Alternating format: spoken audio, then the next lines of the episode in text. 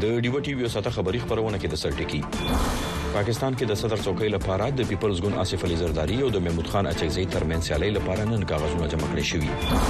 د بلوچستان صوبې نوي منتخب شوی اعلی وزیر سرفراز بګټي په بلوچ بیلتون خو باندې غږ کړی دی چې د غرونو راکته شي او د خبرو په لار د ستونزو حل ولټي او هغه په خپل تقریر کې بیا ونه ویل چې بلوچستان کې د جبري لدارکۍ او د لړۍ ودرولو په اړه به یې د حکومت تګلارې څوي پښتونخوا کې روانو بارانونو سخت زیانونه اړولي ولس کسان مړه او درويشت جوبل شوي او د غزا په شمالي برخه کې پرون د جمعې په ورځ مرستو ته په قطر کې ولاړ فلسطینیانو باندې د اسرایل لخوا د بمبارۍ کولو د فلټونو غوښتنې سیوا شوې دغه پیښه کې یو سل دولس فلسطینیان وژل شوي سبا قاهره کې یو وار بیا د جوړجاړي لپاره ناسته کیږي او سیړنکار تم لري چې د روژې وړاندې سوله وشي قدرمن اوریدونکو خبرونه کې به یو شمېر خبرونه مرکه او ریمون سره اوسئ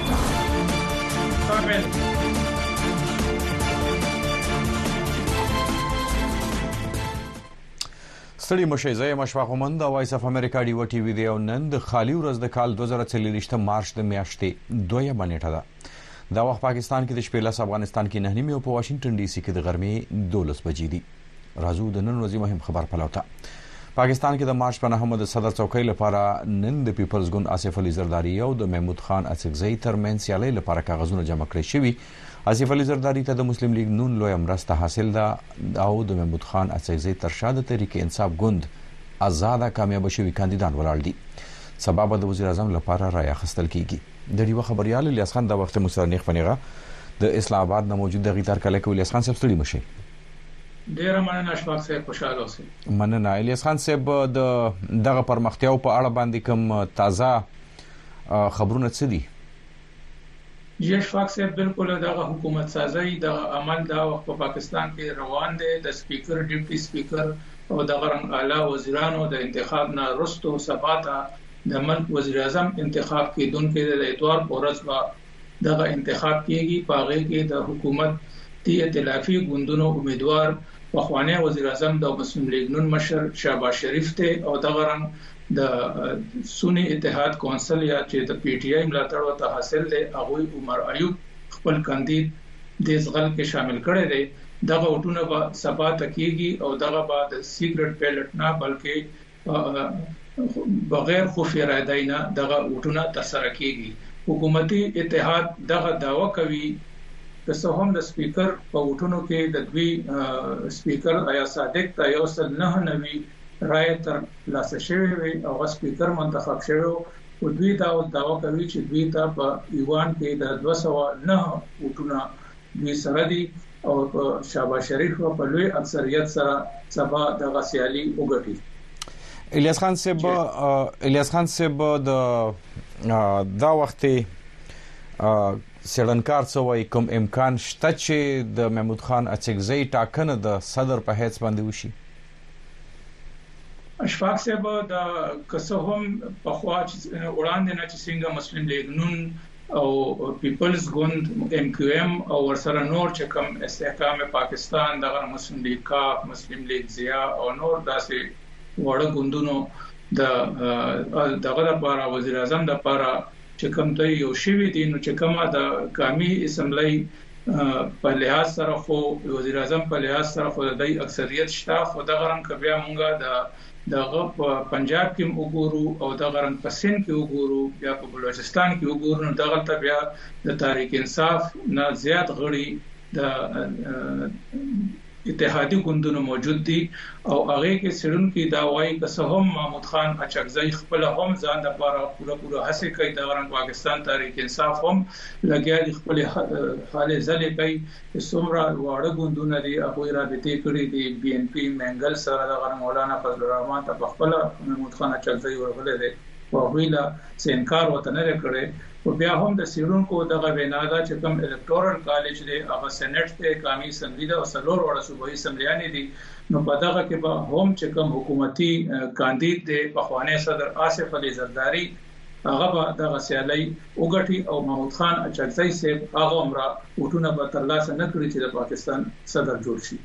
الیاس خان صاحب په ملک کې د انتخاباتو په مهال د شو درغلیو خلاف چې کوم د احتجاجونو سلسله روانه وه لړۍ روانه وه د غي تازه صورتحال دی جی بالکل دغه چې کوم پاکستان تاریخ انصاف کوم داوا کوي چې دغه درغلې شوې دي او دغه یو احتجاج نن په ټول ګرد پاکستان کې کراچۍ لاهور پنډۍ ملتان دغه رنګ پیښور اټک یو شمېر ځایونو کې دغه احتجاجونه شوي دي، په هغه کې دوی دا وايي چې د دوی یو شمېر چې کوم فعالان دي هغه پولیسو نیولي هم دي، په لاهور کې خاص کر ټکولي هم دي او دغه احتجاج د دوی دغه وینا ده په اسلام اباد کې هم دوی کړی دی، پنډۍ کې چې تر هغه پورې به دغه احتجاج جاري وي تر کومې پورې چې د پي ټي آی مشر عمران خان د بند نه نه وي خلاص شوی او د دوی نه چې کوم مینډیټ پټ کړی شوی دی دا دوی ته واپس نه وي ورکړل شوی نو دوی به په اسمبلیانو کې دننه او د اسمبلیانو نه هم خپل دغه احتجاج جاري ساتي. ډېره مننه الیاس خان صاحب ستاسو. مهرباني. مننه.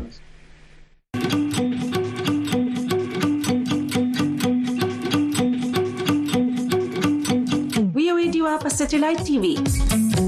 هر ورځ سلویریش ساته په دیشنټینا تاسو په یو ټل سټلایټ په ټي وي تازه تولا او به تر په خبرونه بحثونه او سیړنی کتلې او اوریدلې شي د یوټل سټلایټ فریکوئنسي یا سبې او یا بي او یا اشاریه 15 ایست چینل یو سلدري هر ورځ سلویری ساته لډي وسره اوسئ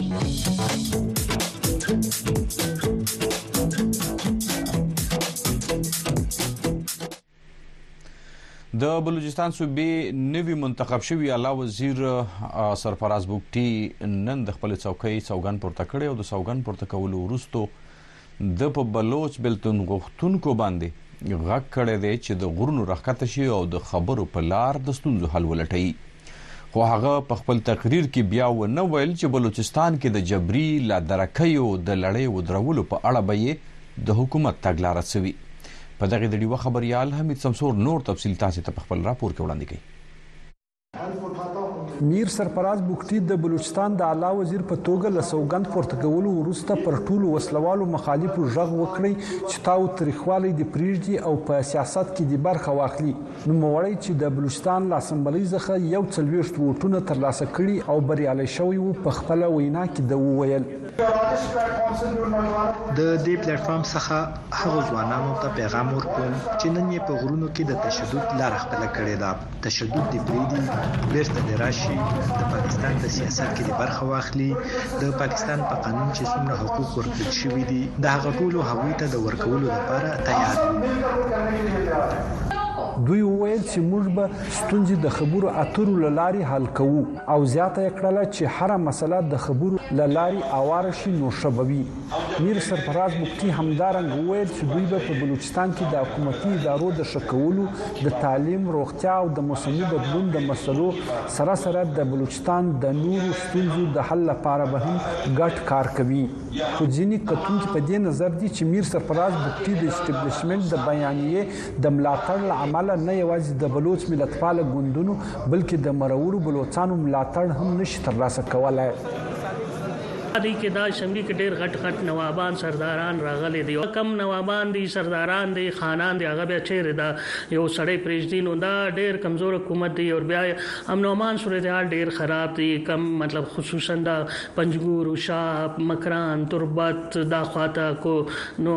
دا وجه باندم دا غټ چیلنج امن او امان دی.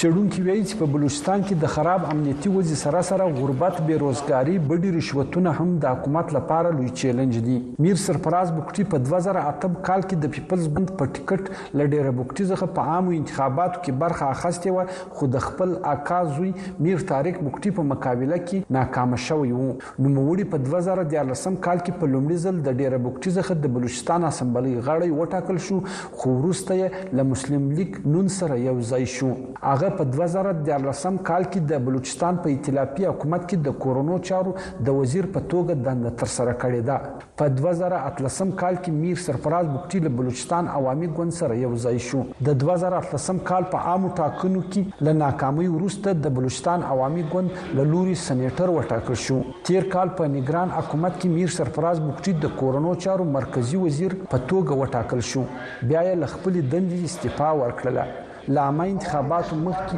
له پیپلز ګوند سره یو ځای شو، له ډیربوکټي څخه د بلوچستان اسمبلۍ غړی یو ځل بیا وټاکل شو. تیره ورځ د پیپلز ګوند د مشرتابه له خوا سرفراز بوکټي نوم د بلوچستان د وزیراعلا لپاره وړاندې شو. حمید سمسور، وي او ای ډیوه، کوټه.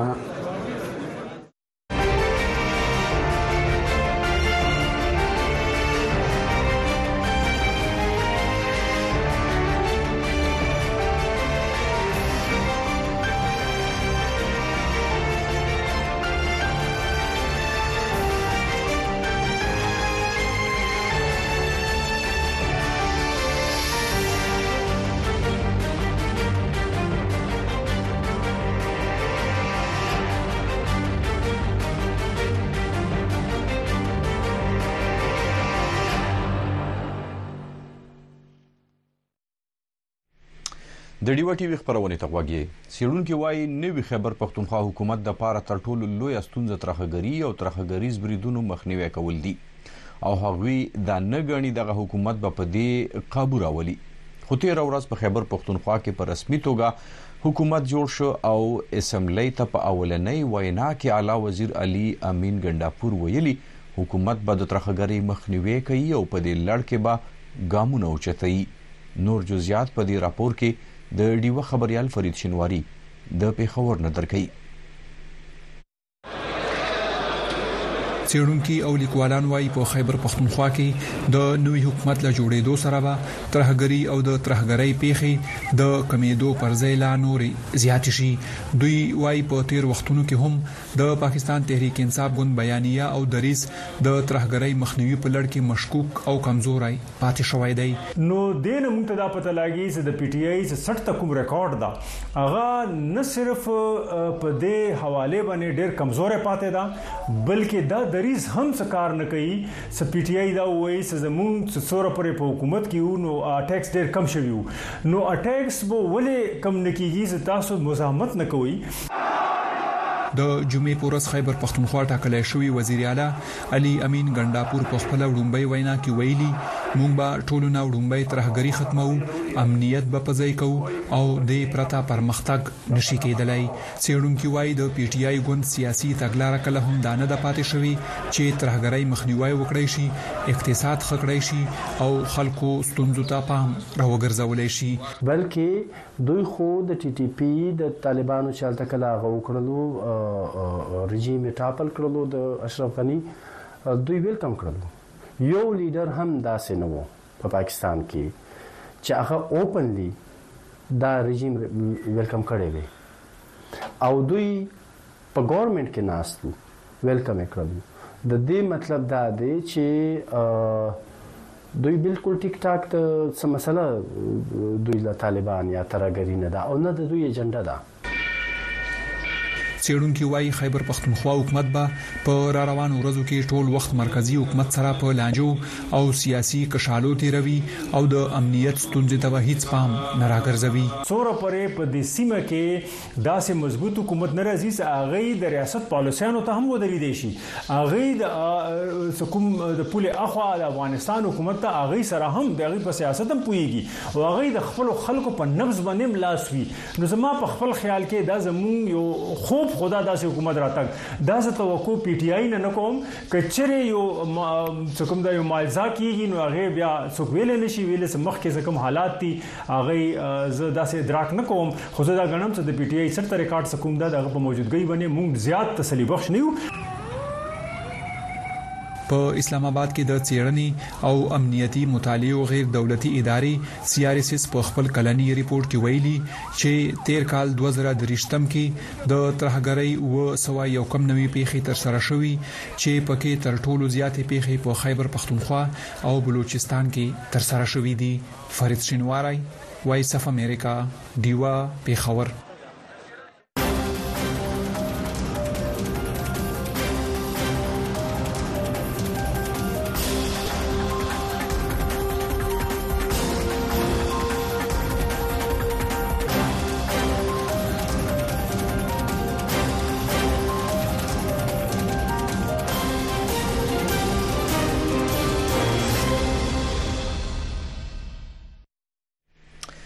د امریکا د کانګرس تر ډیر شو پورې غړو صدر جو بایدن ته په یو لیکل شوی خط کې لیکلی چې ترڅو د پاکستان د انتخاباتو پلټنې نوي شوي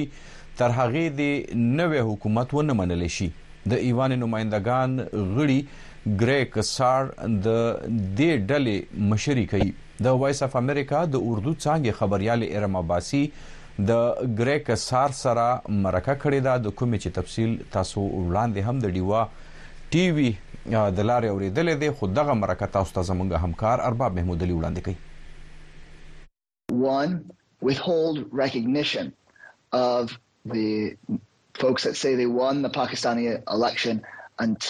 ړومبی تر هغه دی تسلیم نکړی شی تر څو چی د بی طرفه او پاک صفا پلټنو نه د ګټونکو د بری پخلی نه وی شوی دویم مونږ غوښتنه کړی چی هغه ټول کسان چی د خپل سیاسی حق د اختیارولو په وخت په غلطه نیول شوی دی که خبریالان دی که سیاسی غړی او که مشران باید ټول دی خوشی کړی شی چی دوی بغیر له یری خپل جمهوری حق ولری.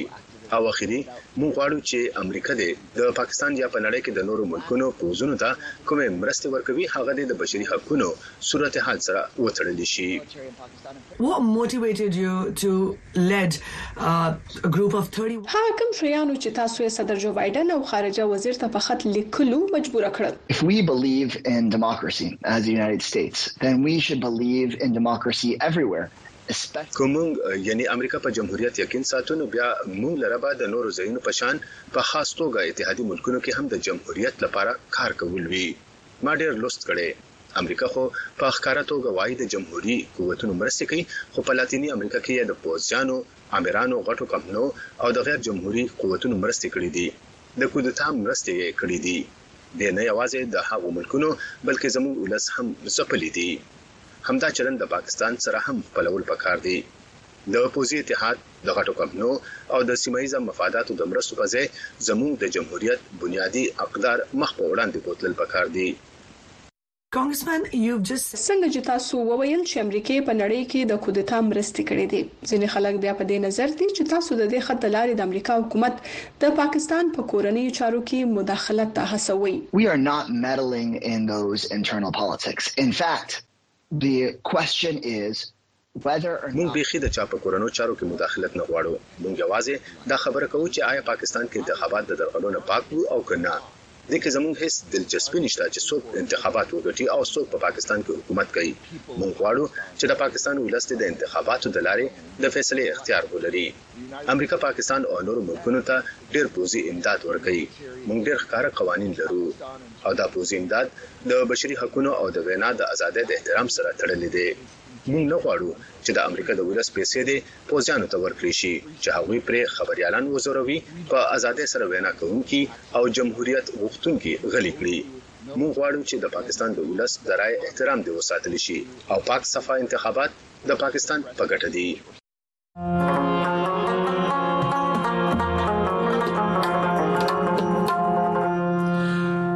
د خیبر پښتونخوا په ډیرو سیمو کې د پولیو کیسونه مخې ته راغلي دي خپل کتونکو ته دغه خواست کو چې د دروغ په افواګانو کې مرزي دغه ویکسین د پولیو چې کم دي د بيخي به ضرر دي د صحت د نړیوالې ادارې او د قامي ادارې نه تصدیق شوي دي. تاسو کولای شئ چې خپل د پنځو کالو نه کم ماشومانو ته دغه واکسین وکړئ او د ټولعمري مرض نه خپل ماشومان بچ وساتئ.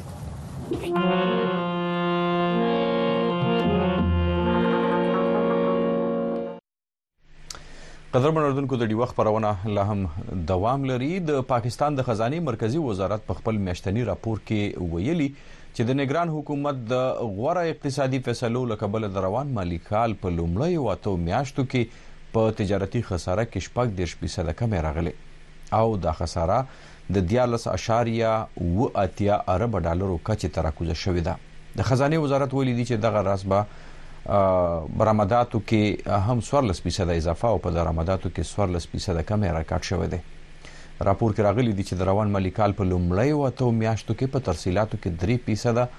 او نیغ په نیغه بهرنۍ سرمایه کاري کې 21 فیصده کمی ریکارډ شوی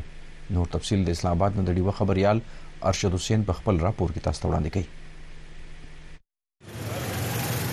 د خزانې وزارت په خپل رپوټ کې دعوه کړې ده چې د نړیوالې مالیاتي ادارې آیم ایف ټول اهداف یې پوره کړي دي او ویلي دي چې د سختو او غیر مقبوله فیصلو له کبله د هیواد اقتصاد د بحالۍ په لور روان شوی دی. د خزانې د وزارت په رپوټ کې د شوو دعوو په اړه د اطلاعاتو نګران وزیر مرتضی سولنګي د ډیوه سره خبرو کې ویلي چې کله نګران کابینې کال دوه زره درویشت م اګست کې حلف اغستو نو هغه مهال په خلاص مارکیټ کې د یو ډالر نرخ درې نیم سوه روپۍ وو او د هیواد په اقتصادي توګه د دیوالیه کیدو خبرې کیدې خو نن روپۍ مستحکم ده. اسی طرح سې بهت سارې لوګون کا خیال تها. همداسې د ډېرو خلکو خیال و چې د آی اېم اېف سره شوې د قرض لنډمهاله لوظنامه به موږ مکمل نه کړی شو خو نړیوالې مالیاتي ادارې، آی اېم اېف او ورلډ بېنک ستاینه کړې ده چې حکومت دغه اهداف ترلاسه کړي دي.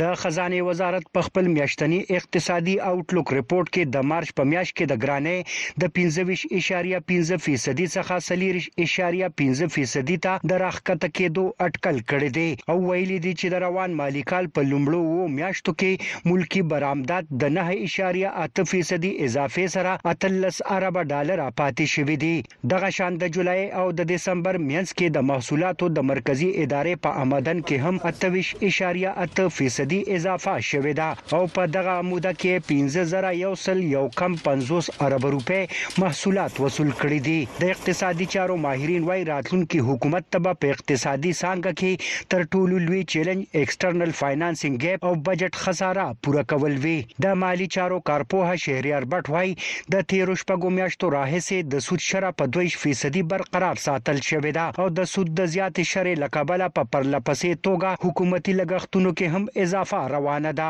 ساری چیزې نئی حکومت کې کوډ مې. اوس ټول معاملات د نوې حکومت په لاس کې دي، نوې حکومت له به تر ټولو مخکې نشکاري کول وي. چې داسې يو شمېر اضافي ډالر يې خزانې ته راشي، موږ ګورو چې د هېواد د زرمبادلې ذخيرې د اته اربه ډالرو څخه هم ښکته راغلي دي. د دې سره سره حکومت له به د آی اېم اېف سره لنډمهاله قرض پروګرام هم زر تر زره سرته رسول وي، خو د هغې د مکمل کېدو وروسته به يو ځل بيا د آی اېم اېف سره غټه قرض لوظنامه کول وي. د خزانې د وزارت په یاد رپوټ کې ویل شوي چې د روان مالي کال په لومړو اوو میاشتو کې په ترسیلاتو کې پنځوس کروړه روپۍ کمی راغلی دی او دغه موده کې ټول پنځلس اربه او اتیا کروړه ډالره ترسیلات زر استول شوي دي. د تیر مالي کال هم په دغه موده کې هیواد ته ټول شپاړس اربه او دېرش کروړه ډالره ترسیلات زر ترلاسه شوي وو. په رپوټ کې ویل شوي چې په تیر اوو میاشتو کې د هیواد دننه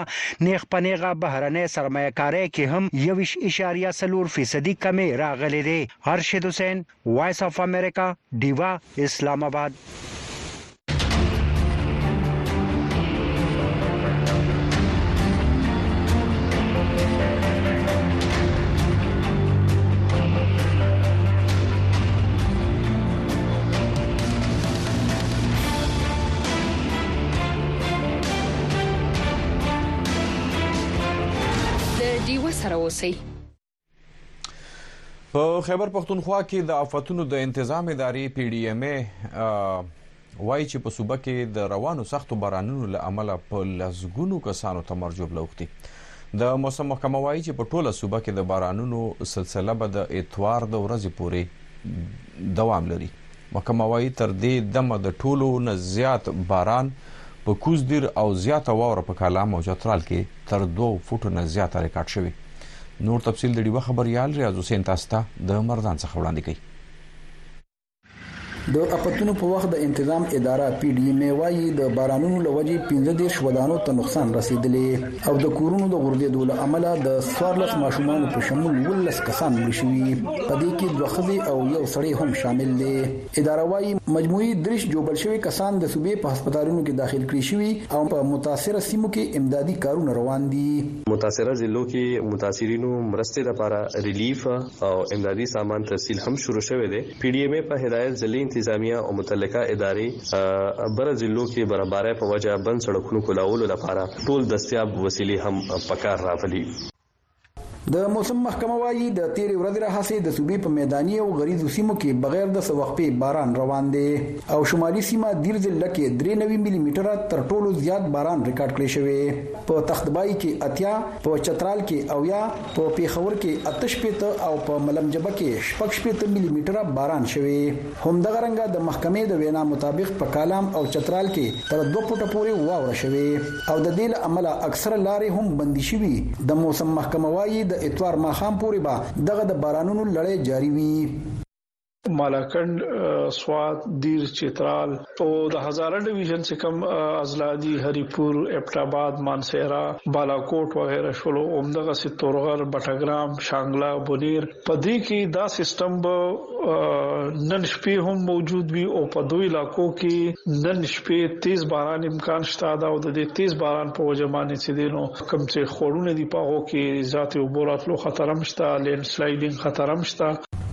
صوبايي د ژغورنې اداره یو یو دوه دوه وايي د کورونو د چتونو غورځېدو له وجې د ځاني زیان نه علاوه مالي زیان هم اوړېدلی د دې ترڅنګ د تګ راتګ سلسله ماته شوې او د خلکو ژوند هم مشکلاتو سره مخ دی ځایي اوسېدونکي وايي زیات بارانونه فصلونو ته هم زیان رسوي. نو د غنمانو کې اوبګانې ودرېدې باقي چې دا کم باران کېږي نو دا د ملک د زموږ د خاص کر زموږ د ملک د فصلونو لپاره نقصاني دي باقي ځکه یې د غنمانو کې د اوبو درې دی دا به دې سره بیا د کچه جرړه نور روخ یې د اوبو به ګرمي شي او دا بیا قسمه قسم مرزونه په دې راشي دا بو چې ډیر زیات نقصان دي د لپاره د اپتونو په وخت د تنظیم اداره پی ډی ایم ای وایي د هغوی کارکونکو په هر ضلع کې چمتو دي او که چاته مشکل وي نو ضلعي انتظامی سره دی رابطه وکړي ریاض حسین وایس اپ امریکا دیوا پیښور د بدلون په وخت کې کله چې نړۍ د غیر یقیني سره مخامخ کاری او کله چې موږ ساورو هغه هغه شان نخکاری چې څنګه وینو موږ د اړتیا ولټون کوو موږ ته چې کله نیمګړی قصه ویل کیږي موږ په باور بیلو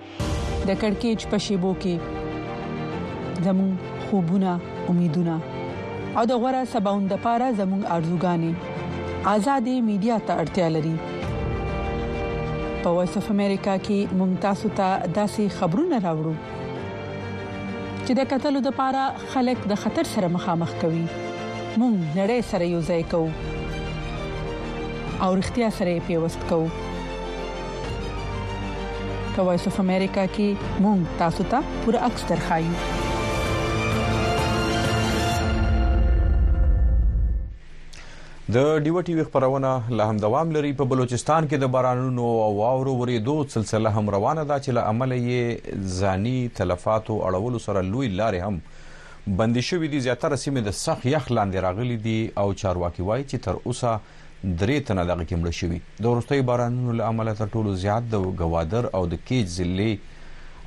سیمې اغیزمند شوې دي او حکومت په صوبه کې د بارانونو له امله د سرکاري او شخصي سکولونو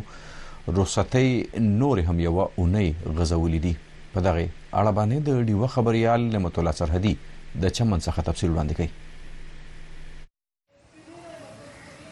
په بلوچستان کې د قدرتي اپتونو په وخت د انتظام کوونکې اداره پی ډی ایم وايي چې ورستوي بارانونو او د واري ورېدو لامل متاثر سیمو ته د مرستې رسولو کار پیل کړی دی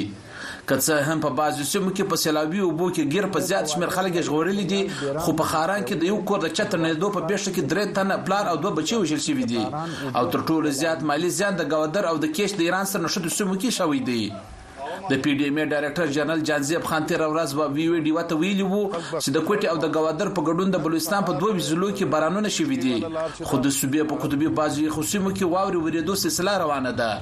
چې له امله دغه سیمې د سخت یخ لاندې راغلي دي او د تودښې درجه منفي څخه کښته لوېدلې ده د سیمې خلک وایي چې په روان سیزن کې دوی تر اوسه دغسې یخني نه ده لیدلې دا یوه موسم هم راشي چې په لوو کې لا هم واوره شوې ده دا سپین ږیرو خلک به ویل چې په لو د موسم د لوي لا هم واوره وسي او دا موسم چې دی دا نو معلوم نه دی دی کې یخ هم راځي ګرمي هم راځي واره به وسي باران به وسي او دا وخت چې دی د موسم د یخ نه دی بس قدرتي دا پیښه وسوله روانو بارانونو له امله شوي مالي زیانونو په هکله د پي ډي ایم ای چارواکو ویلي دي چې ضلعي انتظامیې، پوج او نورې ادارې اوس هم په ګوادر او کیچ ضلعو کې په سېلابونو کې د ګیر خلکو او د ابادۍ څخه اوبه ایستلو دپاره کارې روان کړی دی او دغه سیمو ته د مرستو رسولو په کار هم بوخت دي خو پي ډي ایم ای په کوټه کښې د باران له وجې د اووه نه تر اتو پورې د کورونو ړنګېدو خبر پخلی کړی دی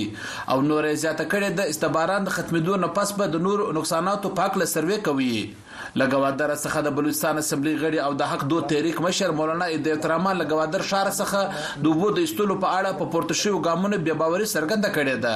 او ویلي دي چې حکومتي ادارې د خلکو د مرستو لپاره مسولیتونه نه دي پوره کړي. بل طرف ته د بلوچستان په قطبي سیمو کې روانې واورې سلسلې دا وخت د یخ کچه سیوا کړې ده چې یو خو د عادي خلکو په مشکلاتو کې اضافه کړې ده خو بلې لوی لارې یې بندې کړې دي.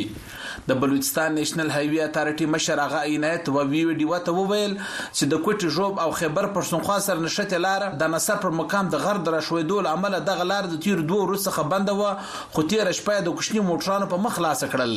دغه رنګه د کوټې چمن د دره کوږک او د کوټې کلا سیپلا پر کاڼ مېترزۍ مقاماتو باندې زیاتې واورې کېدو له امله بندې لارې خلاصې کړې دي، خو د توبه کاکړي او توبه اڅکزۍ د خواجه عمران او د لوی بند سیمو عادي خلک وايي چې اوس هم د دوی لارې بندې دي.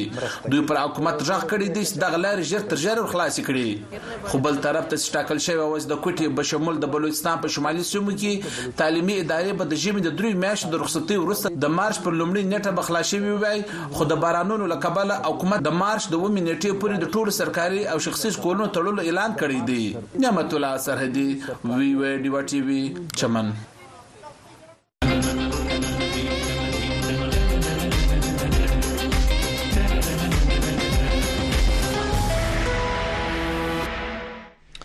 په خیبر پښتونخوا کې د پولیو ضد څاڅکو ورکولو مهم د مارچ د درېیمې نیټې څخه سبا پیل کیږي او و میلیونه د 15 کالو نه کم عمر ماشومانو هدف ټاکل شوې ده په دغه اړه باندې نور تفصیل د ډیوه خبريال صدام حسین خان تاسو ته په خپل راپور کې وایي په خیبر پښتونخوا کې د پولیو چارواکو وی وی ډیو ته ویلي چې د اتوار یا یکشنبه له ورځې یعنی د مارچ له 3 نیټې څخه به په صوبه کې د غمو هم پیل کیږي چې په ترڅ کې به له 2 میلیونو زیاتو ماشومانو ته د پولیو ضد څاڅکي ورکول کیږي. زموږ به ټوټل تقریباً پچاس هزار ټیمز چې کوم دی نو په دې کمپین کې حصه اخلي او د دې د پچاس هزار ټیمز د سیکورټي د پاره تقریباً څه تینتیس هزار پولیس والا او دغه رنګې آرمي پرسنیل چې کوم دي نو دا به د دوی په سیکورټي باندې مامور وي او تعینات به وي. په دغه مهم کې یو دېرش زره د پولیو ټیمونه جوړ شوي دي او اته ویشت زره موبایل یا ګرځنده ټیمونه چې ور تر وره به ځي او ماشومانو ته به څاڅکي ورکوي. د طب پوهان د میندو او پلرونو څخه غوښتنه کوي چې خپل د پنځو کالو پورې ماشومانو ته واکسین ورکړي او د ټولعمري ناروغۍ څخه یې بچ پاتې کړي. ټولې صوبې چې دي د هغې ماحولیاتي نمونې چې دي هغه مثبت راغلي دي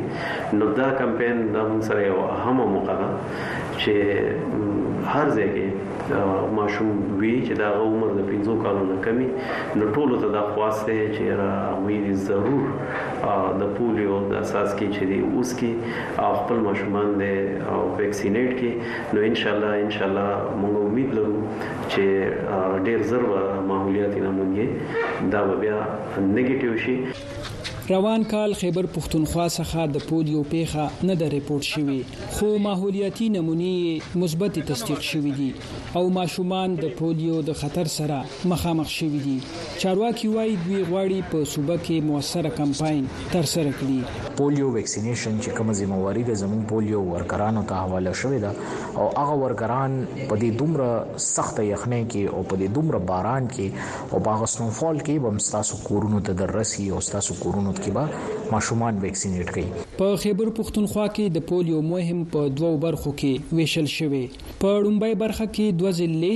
لکي مروت او ډي اي خان کي د شپږ ویشت مي فرورۍ څخه پيل شوي وو چرته چي شپږ لکه ماشومان د پوليو ضد څاڅکو هدف ټاکل شوي وو.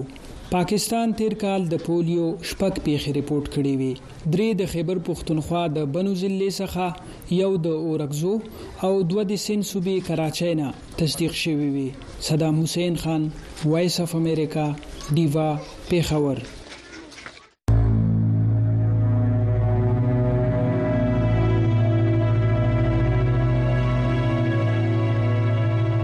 پولیو بیماری د ټول عمر معذوري ده د معذوري د تماشې نه خپل ماشومان وساتئ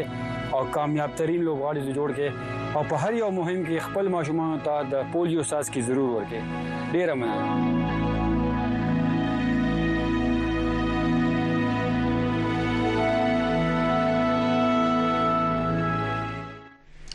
د بلوچستان په سر انان افغان کډوال کیمپ کې د ملګرو ملتونو د کډوالو د عالی کمشنرۍ د شمیرو لمخې 50 زره نفوس ژوند کوي په سیمه کې د پولیو کارکونکو وایي چې په کیمپ کې تر 15 کالو پورې د عمر لرونکو ماشومانو شمیر 15 زره دی چې په هر کمپاین کې د پولیو ضد څاڅکي ورکول کیږي په دغه باندې نور حال له څرنان کیمپ څخه د وایس اف امریکا ډیوه خبريال رفیع الله مندوخیل تاسو ته وایي د بلوچستان په سرانان کډوال کیمپ کې 15000 ماشومانو ته د پولیو ضد واکسین ورکول کیږي د کیمپ پولیو کارکونکي وایي چې کډوال ماشومان پار کمپین کې د پولیو ترڅنګ د 12 نورو ناروغیو پر ضد ویکسین کیږي. د ویکسین کار د هغې جذبې له مخې کیږي چې وایرس له پاکستان او افغانستان دواړو هیوادونو ختم شي. د نیو کیمپ سرانان ده، زه په دغه نیو کیمپ سرانان کې د کمیونټي موبلایزر په حیث وظیفه اجرا کوم. زموږ په کیمپ کې چې دی زموږ انډر فایف ټارګیټ تقریبا 15500 دی. په دا کې زموږ ټول هغو کوچنیانو ته څاڅکي ورکول کېږي چې عمر یې د پیدایښت څخه تر پنځو کلو پورې وي نو زموږ په علاقه کې الحمدلله داسې مشکلات نشته کمیونټي زموږ سره سو پرسنټ انواله ده زموږ سره مدد کوي یعنې زموږ سره یوازې دا نه چې د پولیو واکسین پر برابر د دولسو مختلفو بیماریو لپاره چې کوم واکسینونه کېږي په دې ټولو کې د دوی همکاري زموږ سره شته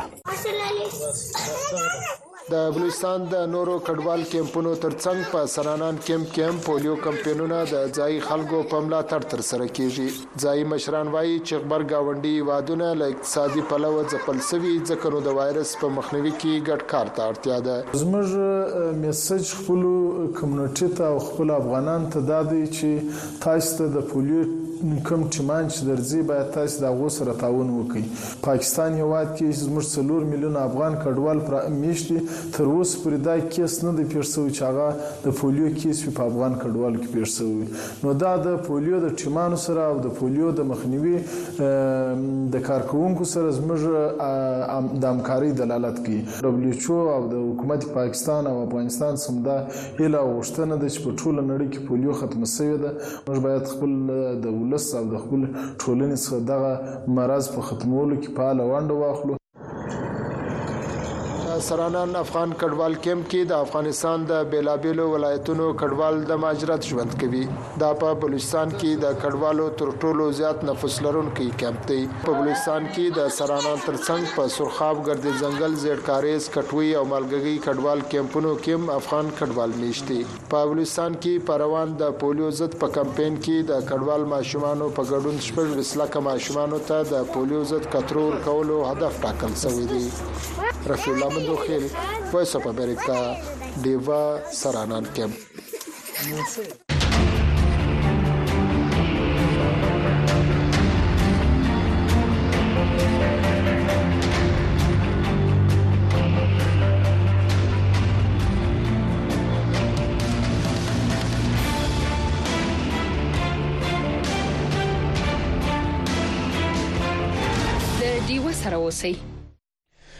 د اسرایل او حماس ترمنځ د لوزنامې تر لاسه کولو د پاره سبا په قاهره کې خبرې کیږي د چارواکو د خوا تم سرګن شوې دي چې د روژې نه وړاندې په غزا کې اوربند او د يرغمل کسانو د راخوشې کولو جوړجاړی ترلاسه شي. امریکا ویلي د ځمکنۍ لارې سره سره د سمندر او د فضا د لارې غزا ته بشري مرستې سېوا کول په کار دي. په دې اړه باندې نور تفصیل زموږ همکار ارباب محمودعلي وړاندې کوي. د اسرائیل او حماس ترمنځ د اوربند او د یرغمل کسانو د راخلاصولو لپاره سبا په قاهره کې خبرې یو وارې بیا پیل کیږي.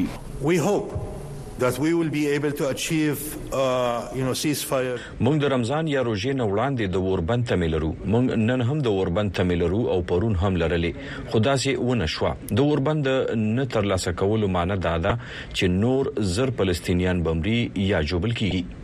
د مصر چارواکو ویلي دي چې د لوظنامې تر لاسه کولو لپاره ضروري ده اسرائیل د شمالي غزا نه ځواکونه وباسي. اسرائیل ویلي دي چې دوی به د حماس د ختمولو پورې عملیات جاري ساتي. امریکا وايي اسراییل ته به د خپلې دفاع لپاره مرستې ورکوي او تمې یې څرګندې کړې دي چې ډېر زر به یوې لوظنامې ته ور ورسي.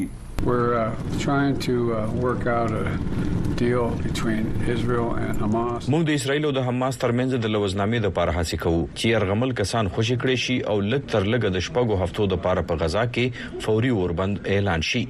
بشري مرستې سېوا کړي او دا یوازې شمالي نه بلکې د غزا ټولو علاقو ته سېوا کړای شي.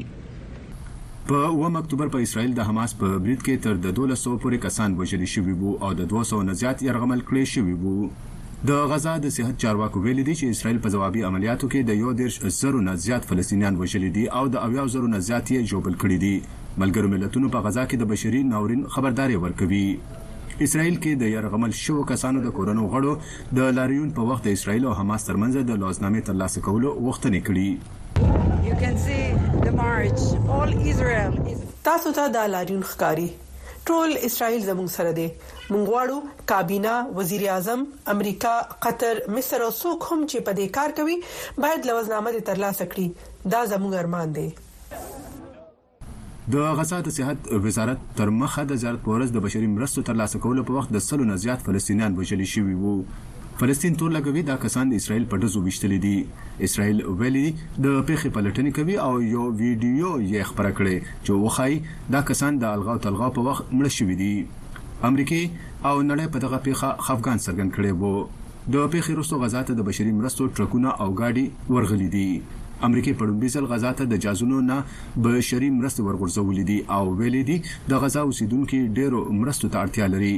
تېره ورځ د امریکې د ملي شورا ویاند جان کربي ویلي وو چې هڅې کوي اسراییل د بشري مرستو د پاره نورې لارې خلاصې کړي. Matter of fact, as the President just announced, the United States will carry out airdrops of aid into Gaza in coordination with our international. صدر ویلي دي چې امریکا به په راتلونکو ورځو کې په خاص توګه د اردن په ګډون د نړیوالو ملګرو سره په ګډه د جازونو نه غزا ته پوځي مرستې ورغورځوي. موږ هڅې کوو چې غزا ته د زیاتو بشري مرستو د ورلېږلو لپاره د سمندر لاره هم خلاصه کړو. د ځمکې د لارې بشري مرستې به هم په خپل ځای دوام لري. د بشري مرستو نړیوالو ادارو د جازونو نه بشري مرستې ورغورځول ناکافي بللې دي. آکسفام دا د غزا د ضرورت مندو سپکاوی بللی دی. امریکې او نورو هیوادونو ویلي دي چې د سیمې صورتحال ښايي چې د بشري مرستو ورلیږلو او د قلارې دپاره دوی ته خپلې هلې ځلې لا نورې سیوا کول پکار دي. ارباب محمودعلي، وایس اف امریکا، ډیوا، واشنګټن.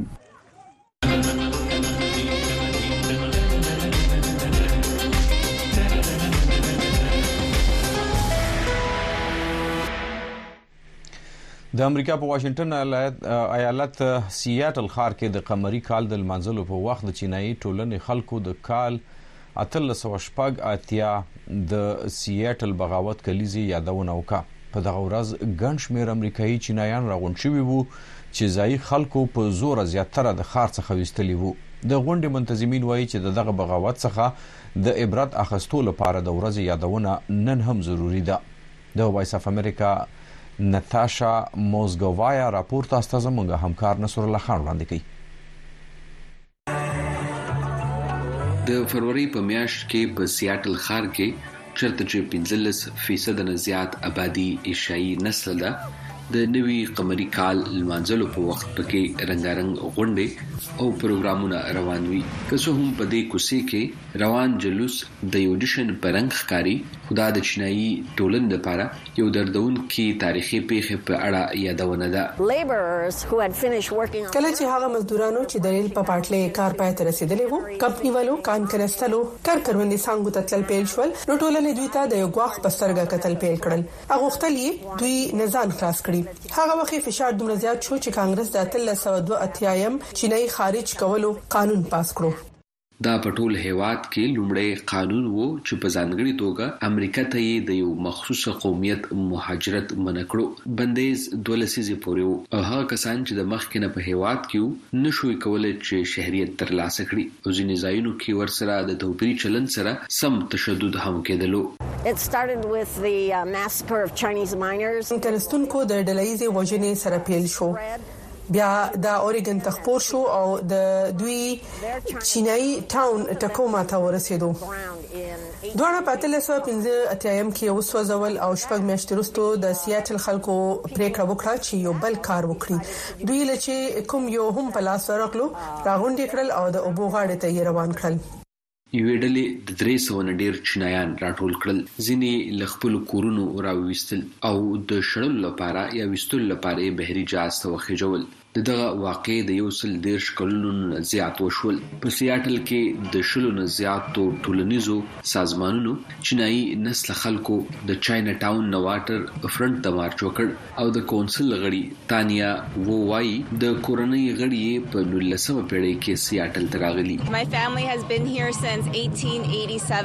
زما کورنۍ د اتلس سوه اووه اتیا یم راهسې دلته ده، خو زه لومړي نسل یم چې دلته په امریکا کې پیدا شوم، دا ځکه چې زما د کورنۍ ټولې مېرمنې هلته وې او نه شوې کولای چې امریکا ته مهاجرت وکړي. هم په دې ډول کورنۍ وېشل شوې او جدا شوې وې. زه داسې احساس کوم چې دا پېښه یوازې یو یادګار نه دی، بلکې په موږ د عمل غږ کوي چې موږ باید توپیري چلند خلاف ودرېږو. په امریکا کې کوویډ ناینټین کیس په لومړي ځل د جنورۍ دوه زره شلم د سیاټل نه شاوخوا پنځه ویشت کیلومتره شمال ته راښکاره شو. دغه وایرس په لومړي ځل د چین په ووهان ښار کې یوه میاشت وړاندې موندل شوی و. د کوویډ وبا دا مسله نوره هم زیاته کړه او د چینیانو خلاف نفرت څو چنده زیات شو او همدې له امله موږ ته پکار ده چې خلکو ته یادونې لپاره خپل لاریونونه زیات کړو. د چینیانو اخراج ویستل په نولسمه پېړۍ کې نه دي ختم شوي، دا نن هم دوام لري، خو په نورو شکلونو کې. د مارش انتظام کوونکو ټینګار وکړ چې دا لاریون یو فرصت دی چې چینايي امریکایانو او نورو مهاجرینو هغه خدمتونه په ګوته کړي چې دې ښار لپاره یې کړي دي. د نتاشا موزګویا لپاره نصرالله خان وایس اف امریکا ډیوا واشنګټن.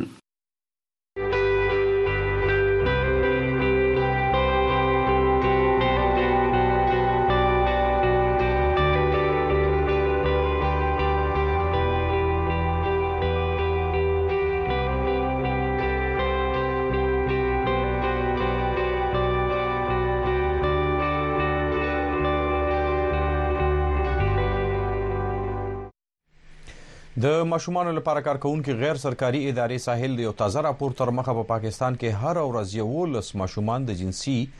زور زیاتی ښکار کیږي راپور وايي د دوه زره درویشتم کال په ټول هېواد کې د ماشومانو د تشدد څلور زره دوه سوه دیارلس پېښې راپور شوي چې پکې دوه زره یوویشت ماشومان د جنسي تېریو ښکار شوي نور تفصیل د اسلام آباد نه د ډیوه خبریال رابعه پیر تاسو ته وایي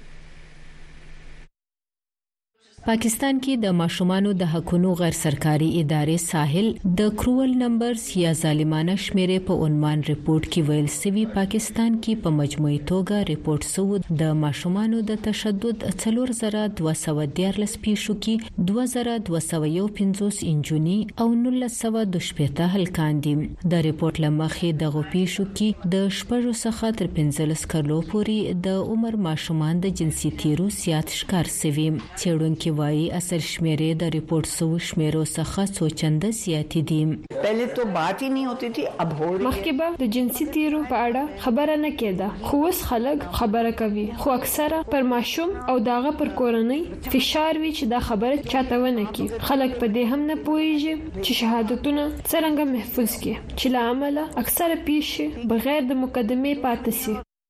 د دوه زره درویشتم کال رپورټ شوو پیښو کې یو پنځوس فیصده پیښې په کلیوالو سیمو او نهه څلوېښت فیصده پیښې په ښاري سیمو کې رپورټ شوي چې پکې یو شپېته ماشومان د جنسي تیرو وروسته وژل شوي هم دي. د یو اتیا قامي او سیمه ییزه ورځپاڼو څخه راټول سوي معلوماتو په اساس جوړ سوي د دغه رپوټ تر مخه تر ټولو زیاتي پیښي درې زره یو سل پنځه شپېته د پنجاب څخه رپوټ سوي، د سند څخه پنځه سوه یو څلوېښت، د اسلام اباد څخه درې سوه شپږ، د خیبر پښتونخوا څخه یو سل څلور ویشت او د بلوچستان څخه یوازي پنځوس. پیښې رپورټ شوي په پاکستان می انفورچونټلی په پاکستان کې دغه رنګ پیښو په اړه په مرکزي کچه څه شمیره نشته صوبې او د ساحل په رنګ تنظیمونه خپل په کچه څه نه څه شمیرې راغونډوي خو ضروري دا دی چې یو مرکزي ډیټا بیس جوړ کړی شي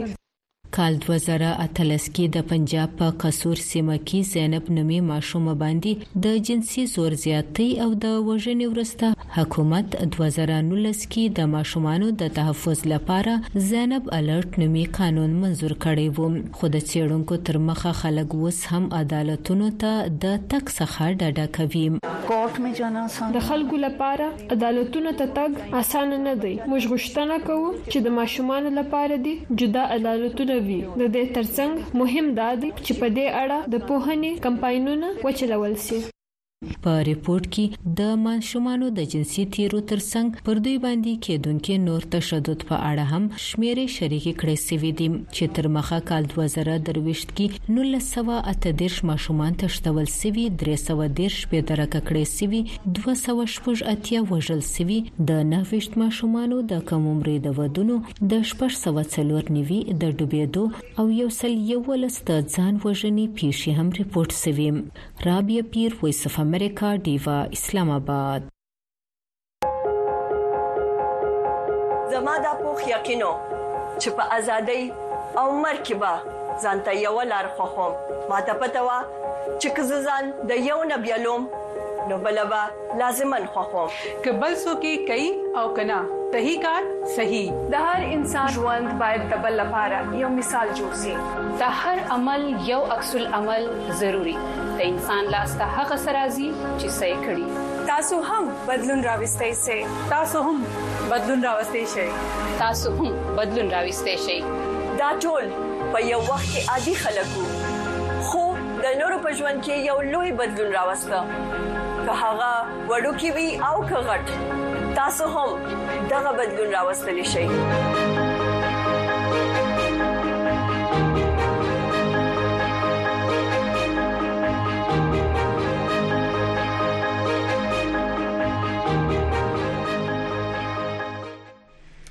قدرمن اردوونکو د ډیوه ټي وي خبرونه ته نه خبرې غواړي واشنگټن ډي سي نه غواګي په افغانستان پاکستان او شاوخوا سیمو کې د ونو بوټو د لګولو موسم شروع شوه دی د بلوچستان د پښتنو سیمو ماشومان او ماشومان هم په دې کار کې برخه اخلي او د وطن د سمسورتیا پیغام یې ورکړي د ونو بوټو لګولو لپاره اشری شوې دي د دغه تفصیل د ډیوه خبريال حفیظ الله ستوری شیرانی په خپل راپور کې تاسو ته وایي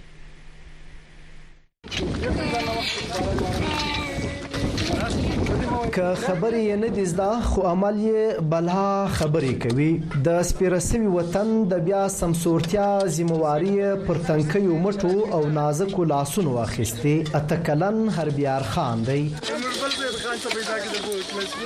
هربیار خان یواځې نه دی، د بلوچستان د پښتني سیمې قلعه سیف الله ډیری همزولي او همزولي اشرباڼې یې په دې اشر کې ملګرې دي. موږ دلته غره له راغلي یو یې زما له پلار زما له خور سره د خپل سپیره غرونه شایسته کولو لپاره راغلي یو درخت کې لګویا د د د درخت کومې فائدې دي درخته پولوشن ختموي سیلابونه دروي موږ ته اکسیجن راکوي او ته ګرځو غټه خبره خو ګرځه دا دی سي په درختو کې د پرندو کورونه له درختو څخه جانوران راځي کله موږ یو ځله زوی موږ به خپل ځان سره یو درخت وړو بیا به هلته لګوو درختي ګلان بوټي ورته بوټي کومې فائدې دي بوټي څخه ګولې نه جوړیږي دوايانې جوړېږي. د سیمې او چاپېریال پوهانو په وینا، اوبه د هر څه تخم دی، خو د اوبو تخم بیا ونې دي. وايي، پخوا د قلعه سیف الله، لورلايي، ږوب، شېراني په ګډون په ټوله سیمه کې د زیتون او نورو ونو قیمتي ځنګلونه و، خو هغه د ورځني او معاشي ضرورت په خاطر د خلکو په لاس پرې کړل شوي او نور بیا د موسمي بدلون له وجې وچ شوي. وطن سې دا سره ته بوی د دونه ګرمي سې ده دا له دا وجې سې موږ وطن سپېره کړو نو دا ضرورت ته ضرورت نه ده دا خو فرض ده سې موږ وطن بېرته زرغون کړو دا لازمي ده سې پنځه ویشت پرسنټ مځکه سې ده وطن سې دا ځنګل موږ یو پرسنټ هم نشته اوس یو وی خلک موږ باید نو څه پرسنټ ولګو دا ځکه موږ په سایه کې پټ کو بیا به موږ وسم سمېږي کنه موږ وسم لاړه د موږ واور لاړه د موږ زراعت لاړه ارسم لاړو ارسم ختم سونه دا خو بالکل لازمي ده اوس خو ګسر لمرګ سره مخامخ کوم موږ ونی نه ولګو اشر د پښتنو او سیمې د اوسیدونکو له لرغونو دودونو څخه یو دی چې خلک پکې په ګډه بیلابیل کارونه پرته لکم اجرت اخیستلو کوي پخوا زمانه کې دله تشرونه کېدل دوی به دا ته ښه کار ویل چې به درختې کښلې چا به ډیر کور ته یوړې دوی بوله ما ډیر راړلې لیکن نن شعور تر دې ځای پورې راغلی دی چې موږ وایي چې موږ په کار دي چې د درخت خیال وساتو د بلوچستان د پښتني سیمې ژوب ځینې ځوانانو او پیغلو په ګډه له کال 2021 څخه د اشر په نامه تحریک شروع کړی شپږ اته کارونه موږ په مخه اخیستي دي په هغې کې د ونې لګول تر ګردو مهم دي هر کال موږ راځو دلته ونې لګو او د سته ونو شاخ تراشي او د اوبو بندوبست کوو نن موږ بیا دا کار کړی دی ورسره د ښکار بندولو او د ونو د وهلو خلاف خپل مهم ورکولو هم دا معنی ده نو نن د ونو د لګولو سره سره د مرغانو د آزادولو او خپل د کلتوري جامع ته وده ورکولو پیغام هم لرو. د ماشوم اشرباڼي هربیار خان پلار وايي چې که پلرونو پخوا وخپلو اولادونو ته د ونې او ځنګله ارزښت ښوولی وای، ښايي وطن به داسې سپېره نه وای. تېر درې کاله کېږي موږ دا بوټي لګوو او دا چینیان ما راوستلي دي او باید چې پلرو موږ ته له پخوا زده دغه را ښوولی چې باید دا باید دا بوټي او درخت څه فایده ده او څه کردار ادا کوي. او نن به دا زموږ غرونه دونې نه وسپېره. د مځکې له حسابه بلوچستان د پاکستان تر ټولو لویه صوبه ده چې ټوله رقبه یې درې لکه اووه څلوېښت زره یو سل نوي سکویر کیلومتر جوړېږي. د ملګرو ملتونو د پرمختیایي چارو ادارې یو این ډي پي رپوټ دی چې یاده صوبه پر څلور اعشاریه اووه دوه میلیونه هکټرز مځکه ځنګل لري چې دا د صوبې د ټولې رقبې پنځه اعشاریه درې شپږ فیصده جوړېږي.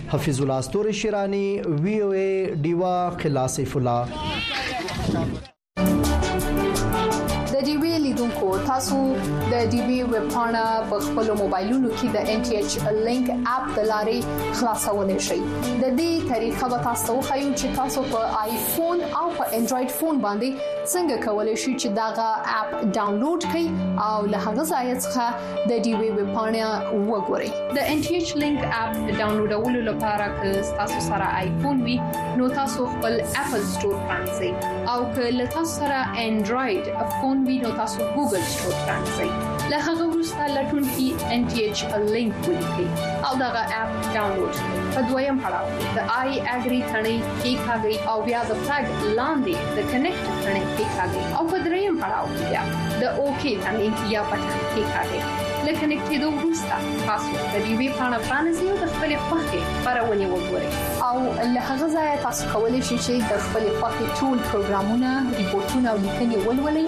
او وګورئ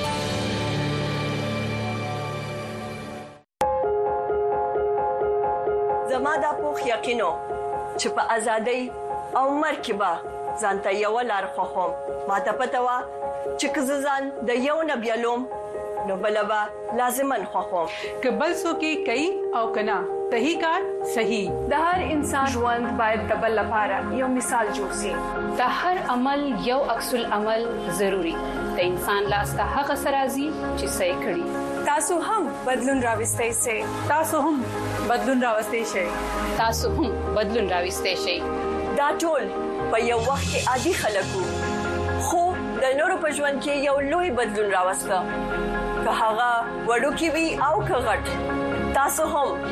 دغه بدلون راوستلی شي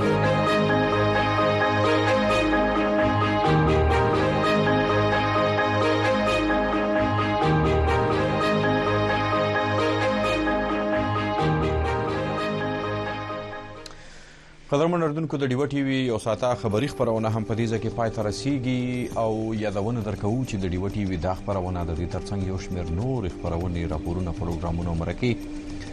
تاسو د ډیوا په ویب پاڼه viewerradio.com باندې چلی ریساته کتئ شئ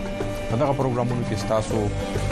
د اقتصاد په اړه باندې د کاروبار په اړه باندې د سیاست په اړه د امنیت په اړه او دغه شانت کې د تعلیمي زده کړو په اړه باندې د نړیو د نړیوال سیاست او د نړیوالو چارو په اړه باندې راپورونه مرکه زموږ همکاران وخت په وخت تاسو لپاره تازه ساتي او دا شاند کې د ټولنیز رسنیو د لارې هم تاسو د لیوا پروګرامونه لکه انسټاګرام فیسبوک یوټیوب او په ایکس باندې هم تاسو کته شي او ریډې شي او لوستې شي